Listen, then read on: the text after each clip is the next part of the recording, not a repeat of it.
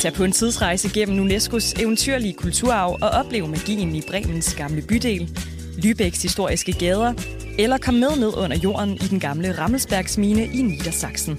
Find mere inspiration til din næste Tysklandsrejse på germany.travel.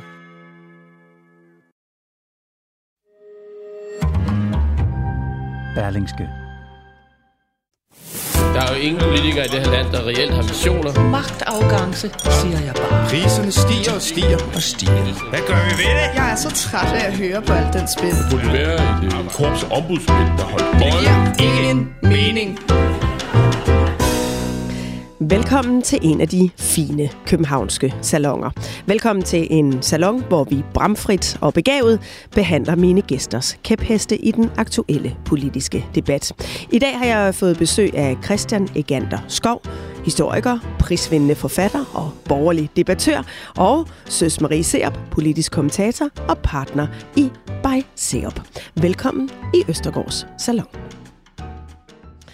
Dejligt, I vil komme her i salonen. Tak fordi vi måtte. Tusind tak. Christian Egander Skov, det har jo været et ret øh, vildt år for dig det seneste års tid. Ja, det må du nok sige. du udkom i øh, 2022 med øh, den meget anmelderroste debatbog Borgerlig Krise. Så her i januar, så vandt du Weekendavisens litteraturpris. Øhm, og der står i begrundelsen, at du vandt for din fornemme analyse af det borgerlige Danmarks elendigheder. og, øh, og så er du også nomineret til Berlingskes Fondsmarkpris. Hvad tror du, det er, du har ramt med din bog ved at beskrive øh, den borgerlige krise? Jeg tror, det er flere ting, men det allervigtigste, det er nok det banale. Nemlig, at jeg pegede på, at der var en alvorlig krise på vej i det borgerlige Danmark, og det synes jeg jo allerede, man kunne se sådan ansatserne til. Og så skete tingene, som det skete, altså så brød det hele sammen. Det er sådan ligesom, når man peger på en, ens barn, der er ved at du havde skrevet... hive et eller andet ud af skabet. Man siger, nu vælter det hele, og så vælter det hele faktisk, og så kan man stå der og glæde sig over, at man er profet. Og det var det, at det, det, det er den banale årsag til det. Virkeligheden på en eller anden måde konfirmerede det, som jeg havde som jeg havde spået. Til dem, der ikke øh, har læst din øh, fremragende bog, øh, vil jeg sige, så kan jeg opsummere, at din grundtanke jo er, at det borgerlige både må bygge på det liberale, det konservative og det folkelige. Øh, og at de borgerlige i alt for lav grad har formået at satse på det folkelige. Er det nogenlunde lojalt gengivet? Det er nogenlunde lojalt I, i sin meget enkle ja, form. ja, lige præcis. Ja. Ja. Øhm, hvor kunne de borgerlige godt være mere folkelige? Ja, der, hvad havde jeg peget på forskellige ting, og, og, og det, som er udgangspunktet, det er øh, i virkeligheden mere en, en kritik af, at øh, de borgerlige måske er blevet for meget præget af liberalismen. Altså i den forstand, at når hvis man spørger en borgerlig om, hvad borgerlighed går ud på, sådan klokken 3 om natten, jamen, så vil han sige, at det handler om at forsvare individets frihed mod den her overgribende og indgribende statsmagt. Mm. Ikke om at forsvare lokale fællesskaber, som man som mennesker og borgere er engageret i. Og det er det sidste, jeg først og fremmest, det er den opbyggelige del af det, det borgerlige. Det jeg forsøger at udlægge i, i bogen. Mm. Det skal vi øh, tale øh, mere om i dag, hvor vi også skal omkring regeringens øh, start og det opbrud, som det har givet i dansk politik, at vi nu har en regering hen over midten. Vi skal tale om, hvorfor politikerne bliver så stresset, og så skal vi også vende, om nye borgerlige er ved at blive overtaget af sølvpapirshatte.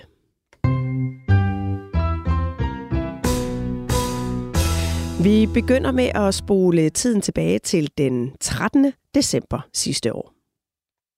Ja, for snart øh, seks uger siden øh, fik jeg i opdrag at, øh, at afdække, om vi øh, kan danne en bred regering i Danmark, og jeg har her til aften meddelt hendes majestæt dronning, at det kan vi.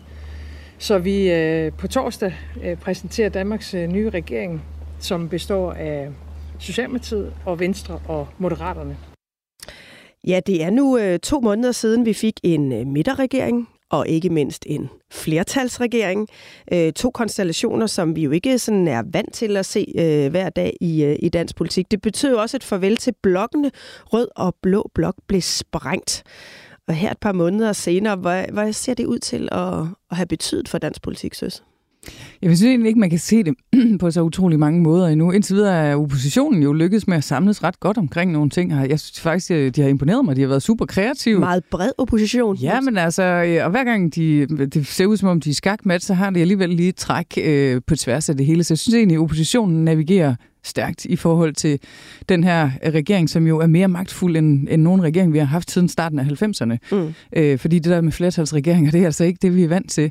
Øh, og den har jo ikke for alvor spillet med musklerne endnu. Og så ved jeg godt, at I alle sammen sidder og tænker, stop bededag! Ja, ja, den er jo ikke afskaffet endnu, men øh, det skal den nok blive. Mm. Men, øh, men jeg tror ikke, der var nogen af os, der havde forventet, at regeringen ville kaste sig ud i, øh, i stor bededag som, som noget af det første. Øh, så hvis vi kigger sådan håndteringsmæssigt på det, så har det jo været noget magtværk. Altså, der er sådan set ikke andet at sige.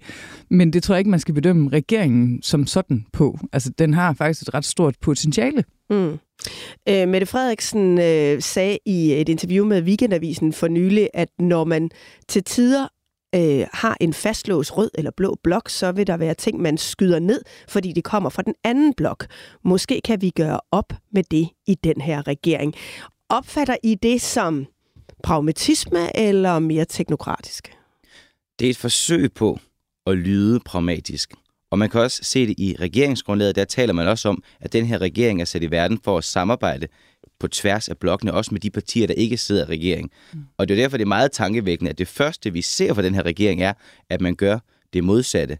At man trumfer sin vilje igennem. Altså man bruger det flertal, man har, til at sige, at det er sådan her, det bliver, fordi det her, det er det nødvendige og det rigtige.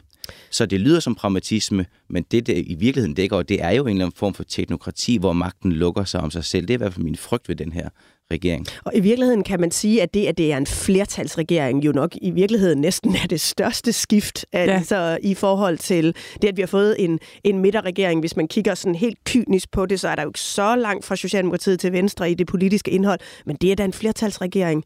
Hvad, hvad betyder det for hele den her regeringsperiode, tror du? Det ændrer fuldstændig dynamikken, og hvis ikke, man kan sige, hvis ikke det ændrer dynamikken, så har de også fejlet. Altså, fordi nu har de lavet en flertalsregering, så skal de også bruge det til noget, det flertal. Så man kan sige, øh, det eneste, vi kan være sikre på med den her regering, det er, at den skal præstere mere, den skal ville mere end andre regeringer, fordi den simpelthen kan mere. Øh, så øh, det øger presset på, at de virkelig skal levere nogle kæmpe store reformer.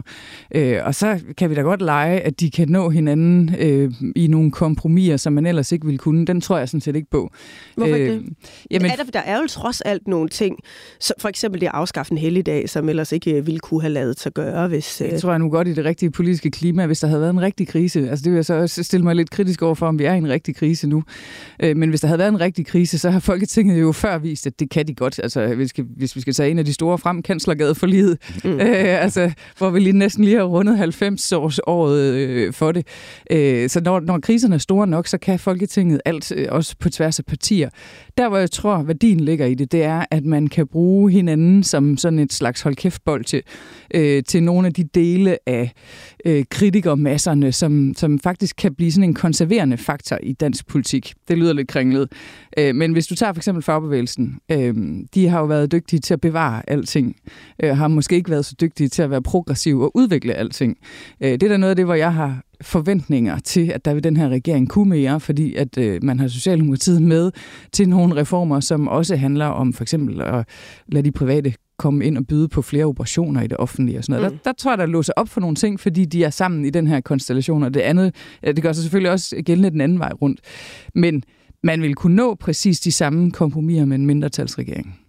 Nu er I jo selv lidt inde på, hvordan de er øh, kommet fra start, blandt andet med hele Storbededags øh, diskussionen.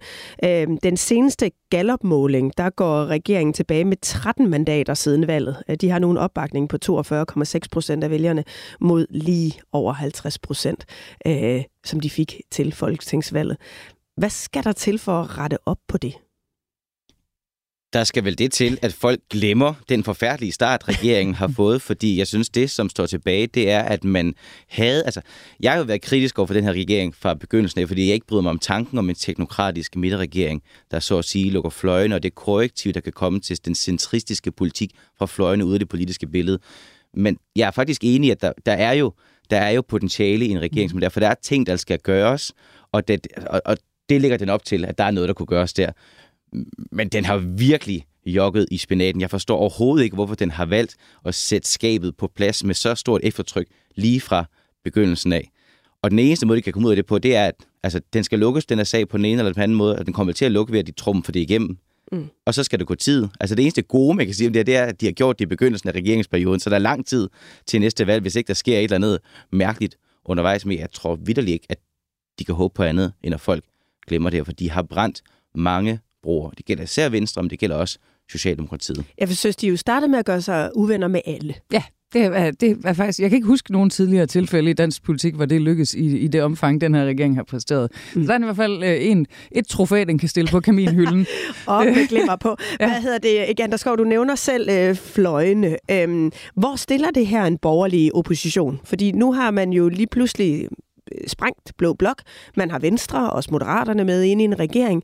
Hvordan kommer vi til at se en kraftfuld borgerlig opposition forme sig i løbet af den her valgperiode? Hvad skal der til? Jamen, det tror jeg ikke, vi kommer til at se. Altså, jeg synes, de borgerlige situation er, øhm, det kan vel kun opsummeres som dyb fortvivlelse. For der står nogle partier uden for regeringen, men der er ikke særlig meget, der binder dem sammen. Og nu hvor Venstre ikke er der til at binde dem sammen, for det var jo Venstres store civilisatoriske opgave, det var at opdrage alle hottentotterne på, i, i blå blok og ligesom være mellemproportional mellem dem. Og når far har forladt huset, jamen så er det bare, så er der kaos øh, i, i blå blok.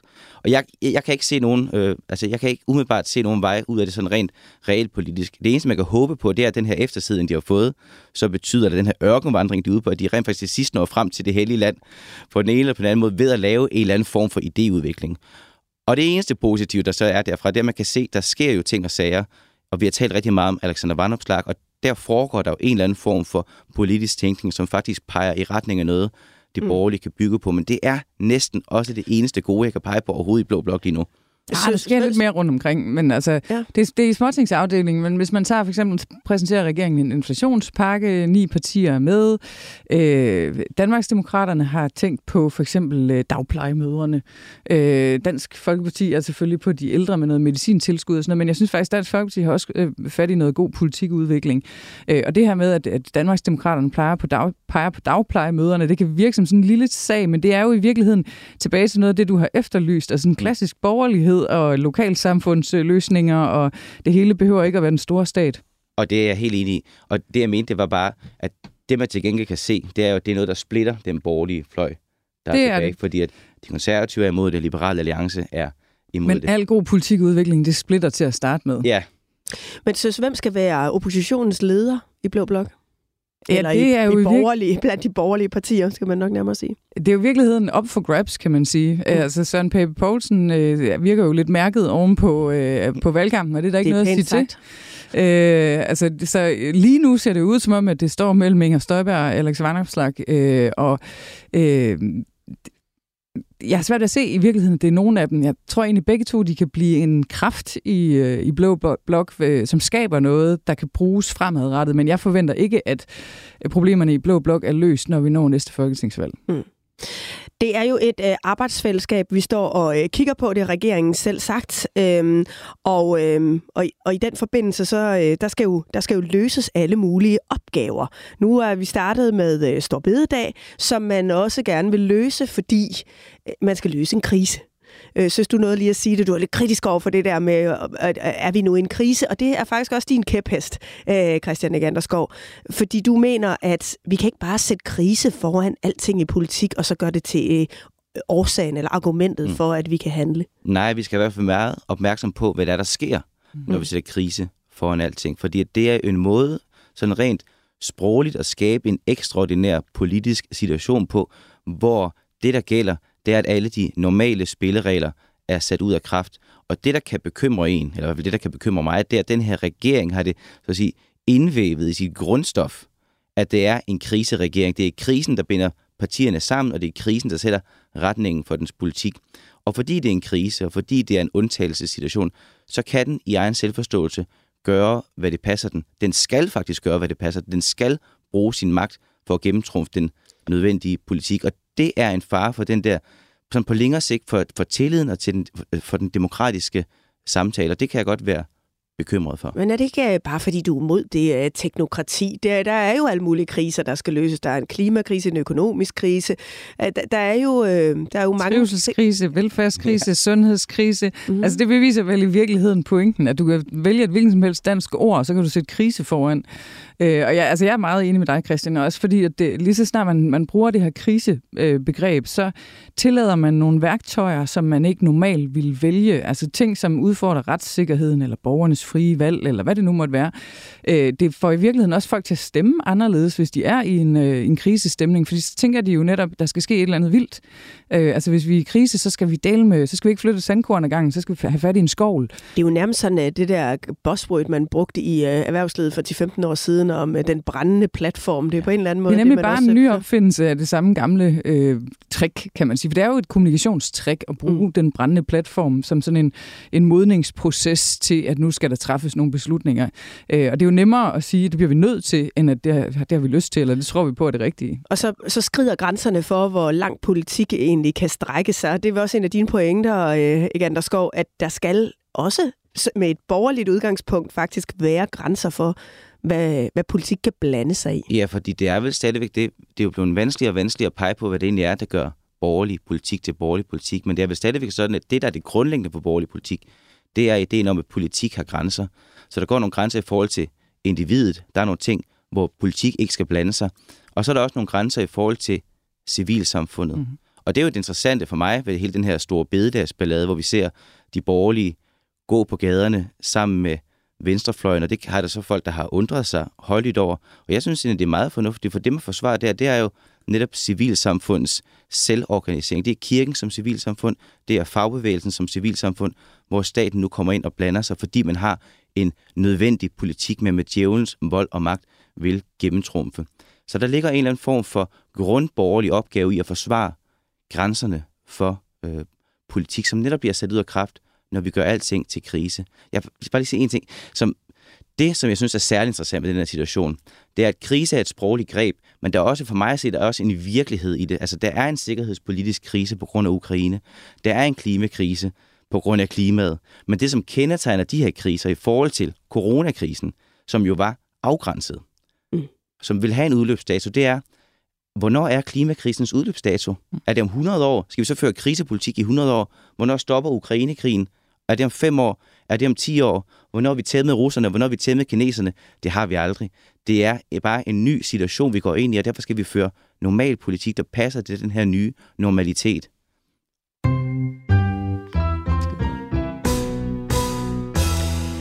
Vi skal videre til øh, din øh, kæphest, søs, som handler om det her. Jeg tror, vi alle sammen er dybt berørt af, af den situation, som, øh, som vi oplevede i går. Det er også, jeg har arbejdet tæt sammen med Jacob nu i, i mange år. Men jeg har truffet den helt rigtige beslutning, har været meget åben og ærlig om det. Øh, og jeg er ikke et sekund i tvivl om, at jeg man kommer tilbage. Men øh, jeg synes også, at det er meget ærligt at sige, at øh, han ikke sætter et, et tidspunkt øh, op, hvornår han kommer tilbage. Nu skal han have lov til øh, at øh, være sig selv, og så øh, er jeg overbevist om, at han kommer tilbage i stærk form. Ja, her var det øh, fungerende formand for Venstre, Troels Lund Poulsen, efter at øh, Jakob Ellemann Jensen har sygemeldt sig med stress på ubestemt tid. Og inden vi går til det lidt mere øh, generelle problem omkring stress blandt vores folkevalgte, så lad os lige få vurderingen, nu vi har en politisk kommentator med i studiet. Søs Marie, så kommer det her til at... et af, hvordan det, det stiller Venstre, men kan det, kommer det også til at skade Ellemann? Eller kan, han, eller kan det gavne ham? Øh, på lang sigt kan det sådan set godt øh, gavne ham. Øh, man kan sige, at der er den helt store hurdle, at han i forvejen var kritiseret for at have valgt forsvarsministerposten i stedet for et, et tungere ministerium. Der ligger de store forhandlinger nu i foråret, og det betyder så med en vis sandsynlighed... Det var der, han faktisk skulle ind og tage sine point. Ja, så politisk set, der får han simpelthen ikke rigtig skovlet noget på CV'et. Menneskeligt set får han skovlet meget på CV'et, og det var faktisk en af de steder, han var øh, udfordret i forvejen. Og det kan lyde komisk, eller øh, meget kynisk at sige, men, men det der med, hvis man øh, oplever en krise, øh, vedstår sig den er menneskelig, øh, er sammenlignelig med andre mennesker, så skaber det jo noget identifikation. Mm. Øh, langt de fleste danskere har jo... Øh, om ikke andet, så strejfet stress på et eller andet tidspunkt, eller kender folk, der har været gået ned med stress. Så det er øh, en sygdom. Øh, vi, nu skal jeg jo lige understrege, vi ved jo ikke, om det er det, øh, der er med Jacob Ellemann. Vi går bare ud fra, at han er øh, sygemeldt med stress. Men, øh, men, men pointen er, at det er noget, folk faktisk har ret stor forståelse for og sympati for. Det er noget, vi har haft talt om i mange år. Så i virkeligheden, så der hvor han var udfordret på, at folk synes, han var lige lovlig meget øh, løjtnantstype, tal, altså stod lidt ret, talt lidt, mm. øh, lidt formelt. Øh, det bliver ligesom blødt op af noget menneskelighed nu. Så på den måde kan det i virkeligheden godt blive en gevinst for ham på lang sigt. Men det trækker altså fra på det politiske CV, øh, på lige præcis det område, hvor han gerne ville have og kunne have præsteret i det her forår. Og nu stiller jeg så det meget kyniske spørgsmål, fordi er det kun øh, sympati, han kan opnå, eller kan der sidde nogen, undskyld mig, ude i det der venstre bagland, som synes, at det er også lige lovligt svagt for en partiformand at sygemelde sig? Jamen, det er der øh, utvivlsomt. Øh, langt de fleste har sympati med, med formanden i den her sammenhæng, men der er utvivlsomt også dem, der siger, det var da godt, at han ikke blev statsminister. Altså, fordi øh, Mette Frederiksen har endnu mere travlt. Mm. Øh, der er endnu flere ting at se til. Øh, og det er bare sådan, at politik, det er et øh, benhårdt game. Øh, og der skal man jo gerne have en, der kan klare mosten. Men øh, det er altså også en anden most, end det var for bare fem eller ti år siden. Der er meget mere pres på politikerne ja. i dag. Lad os prøve at tale lidt om det, fordi øh, et er, at stress jo efterhånden er blevet en øh, folkesygdom, øh, men inden for de senere år har vi jo virkelig også set det slå igennem på øh, Christiansborg.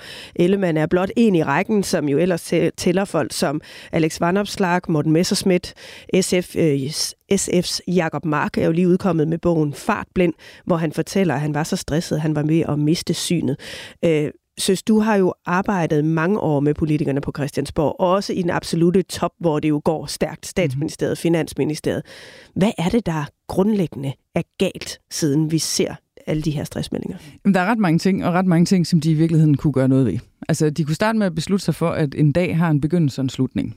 Altså, så enkelt er det. Og tag os lige med ind i maskinrummet, for hvordan er det for eksempel i statsministeriet? Er der en start og en slutning på en dag?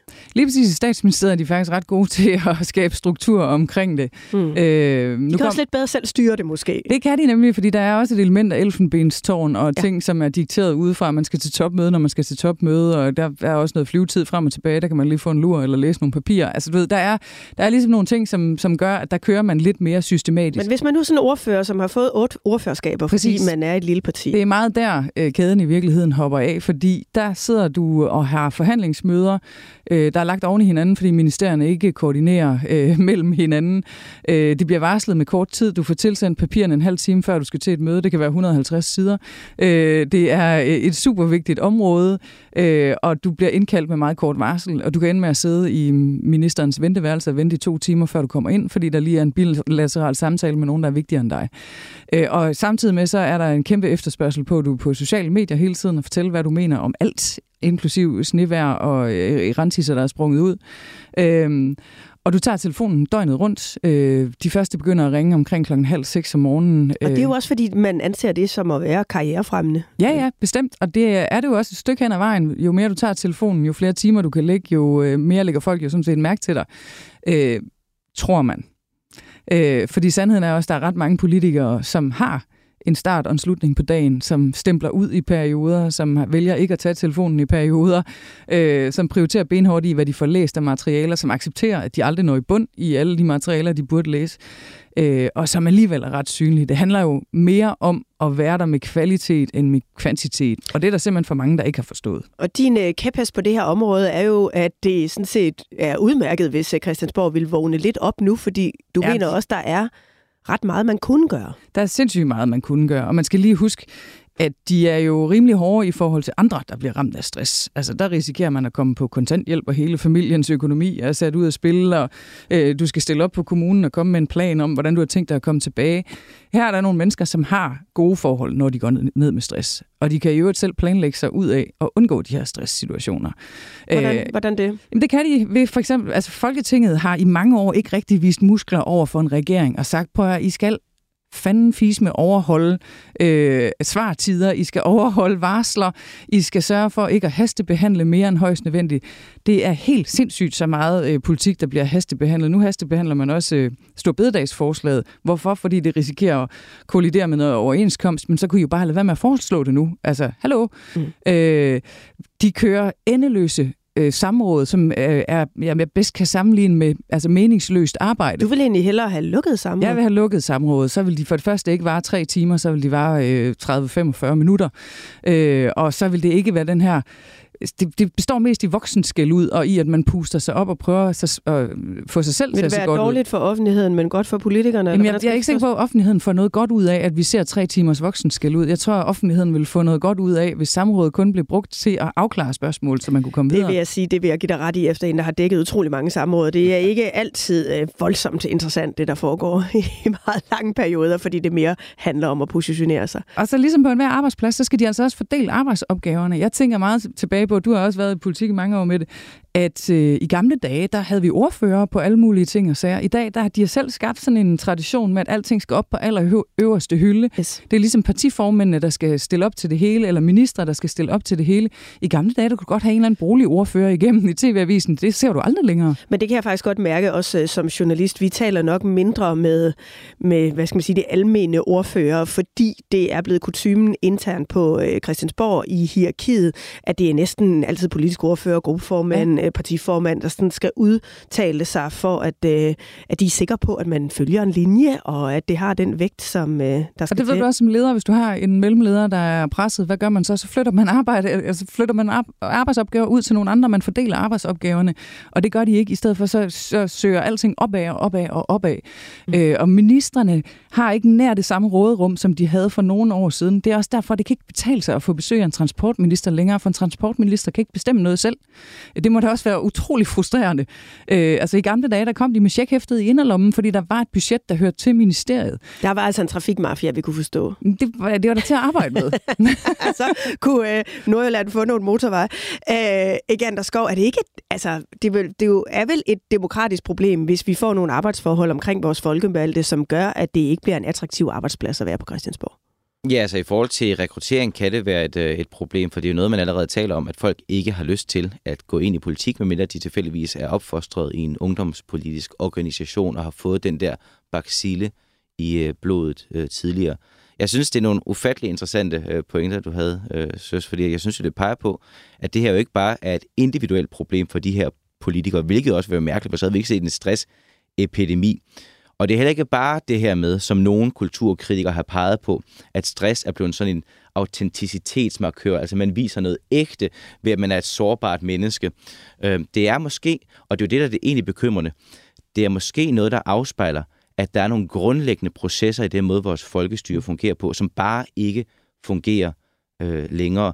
Og det er jo ikke kun Christiansborg, det er også de folk, der arbejder med høringssvar ude i mm. civilsamfundsorganisationerne. De møder også de der korte frister, ja. og har i virkeligheden ingen chance for at give den øh, feedback, som man forventer, at de giver, eller som man måske i virkeligheden faktisk forventer, at de ikke giver. For der er jo en grund til, at man laver de her korte frister. Det er for at koble folk af. Så på en eller anden måde, så skriver det så også ind i den her grundlæggende demokratiske krise. Her kom begrebet igen. Den her grundlæggende demokratiske krise, hvor vi taler om magtfuldkommenhed. Altså det er en beslutningsproces, der lukker som sig selv, og så forsøger man at holde andre ude af de beslutninger ved at simpelthen at køre hastigheden op. Og det ser vi så konkrete menneskeskæbner brænde sig på. Jeg er meget enig.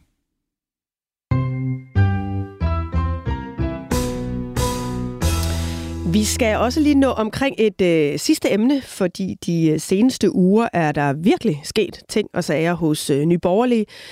Pernille Vermund valgte som bekendt at trække sig fra formandsposten, og Lars Bøge Mathisen er nu valgt som ny formand. Og det er ikke gået stille for sig. Der har været nogle øh, ret vilde meldinger for både den nye formand og den nye næstformand. Først antydede Lars Bøge Mathisen, at World Economic Forum skulle være en verdensomspændende skyggeregering, der reelt sidder og styrer, hvad verdens regeringer skal foretage sig. En udtalelse, som jo ligger ret meget i forlængelse af nogle konspirationsteorier, som øh, særligt florerer i USA. Og så fik partiet også ny næstformand, Henriette Erkemann, som mener at opleve blødninger, hver gang hun er sammen med coronavaccineret over længere tid. Også en konspirationsteori, vi ofte har hørt fra de såkaldte anti-vaxxere. Søs, hvad foregår der? Jamen, det er jo en form for... det, det, det, det, er jo, det, er jo, det er jo en del af, af den borgerlige... Øh, øh, altså fritænkning, kan, hvis, jeg skal, hvis jeg skal være virkelig positiv. nu er du meget... Øh... Ja, men det er jeg, og, fordi det kan jo selvfølgelig lyde fuldstændig som om sølvpapirshattene kommer og har overtaget nye borgerlige. Men Øh, nu talte vi tidligere om, hvad ligger der grundlæggende i borgerligheden. Der ligger blandt andet også sådan en, øh, en skepsis over for autoriteter, øh, og en øh, tilbøjelighed til at søge sine egne svar andre steder end fra myndigheder. Øh, så det her det er sådan en ekstrem udgave af det, måske en, en lidt Hvor populistisk... og andet måske også er forsvundet, men det er... Bestemt, bestemt, men hvis vi tager en af dem, for eksempel World Economic Forum, altså, mm. det, jeg tror ikke, der er jo selvfølgelig nogen, der tror på konspirationsteorien, at det er en skyggeregering. Men det er jo ikke fordi, at der ikke går lidt røg af det her bål. Altså, der er jo tale om ekstremt stærke virksomheder, efterhånden globale virksomheder, som er stærkere end enkelte lande. Øh, og når deres topchefer mødes og bliver enige om en global dagsorden, så er det jo en ny magtfaktor. Øh, det kan godt være, at det ikke er en skyggeregering, men det er en ny magtfaktor, som vi jo sådan set har meget godt af at tale om. Så det er jo ikke helt på månen. Der er noget af det, som er helt på månen. Øh, Christian, de her toner fra, fra Nye Borgerlige, er det den folkelighed, du savner i den borgerlige lejr?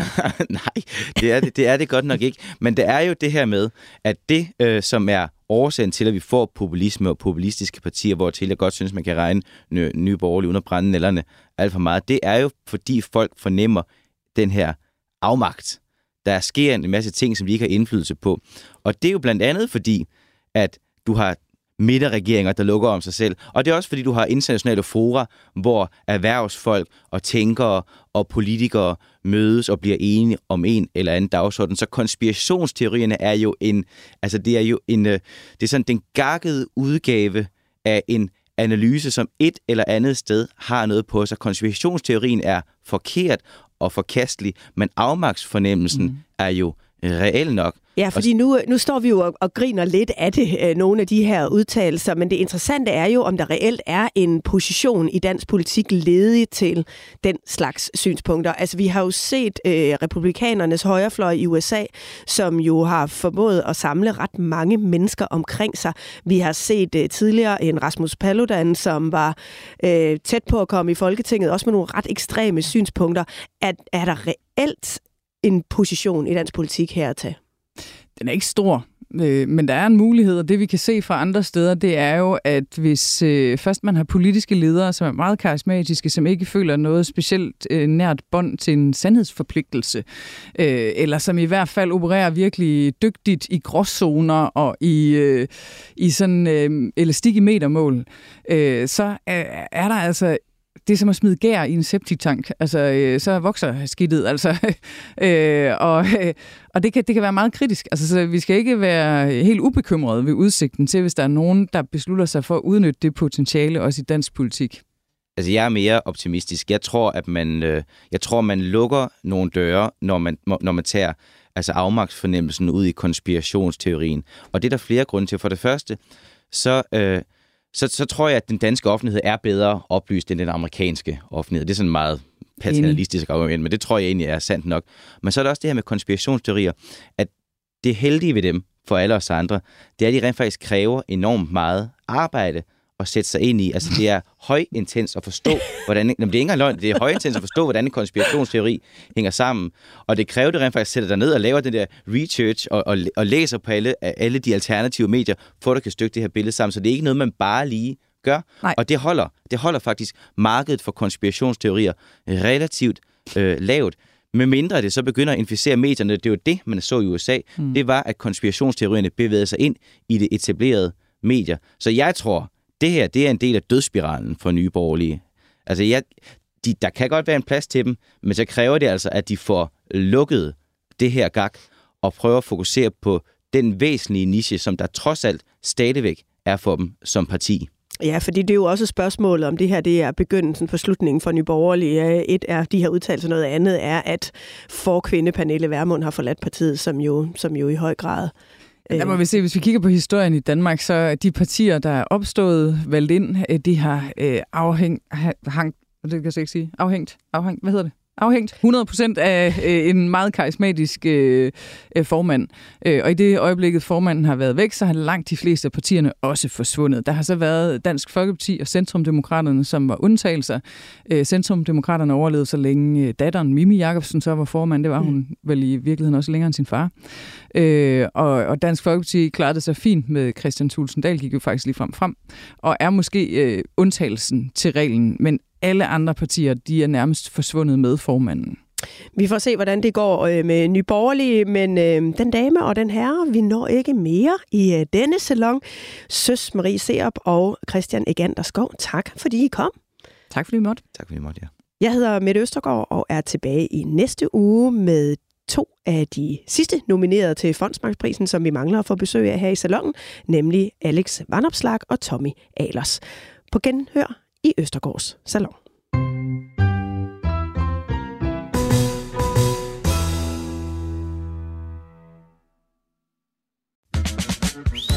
Pak bilen og inviter hele familien på ferie i vidunderlige Tyskland. Besøg UNESCO's verdensarv, både det moderne og det historiske, med en gåtur gennem unik arkitektur på bindingsværksruten, eller oplev det moderne Bauhaus i Sachsen-Anhalt. Find mere inspiration til din næste Tysklandsrejse på germany.travel.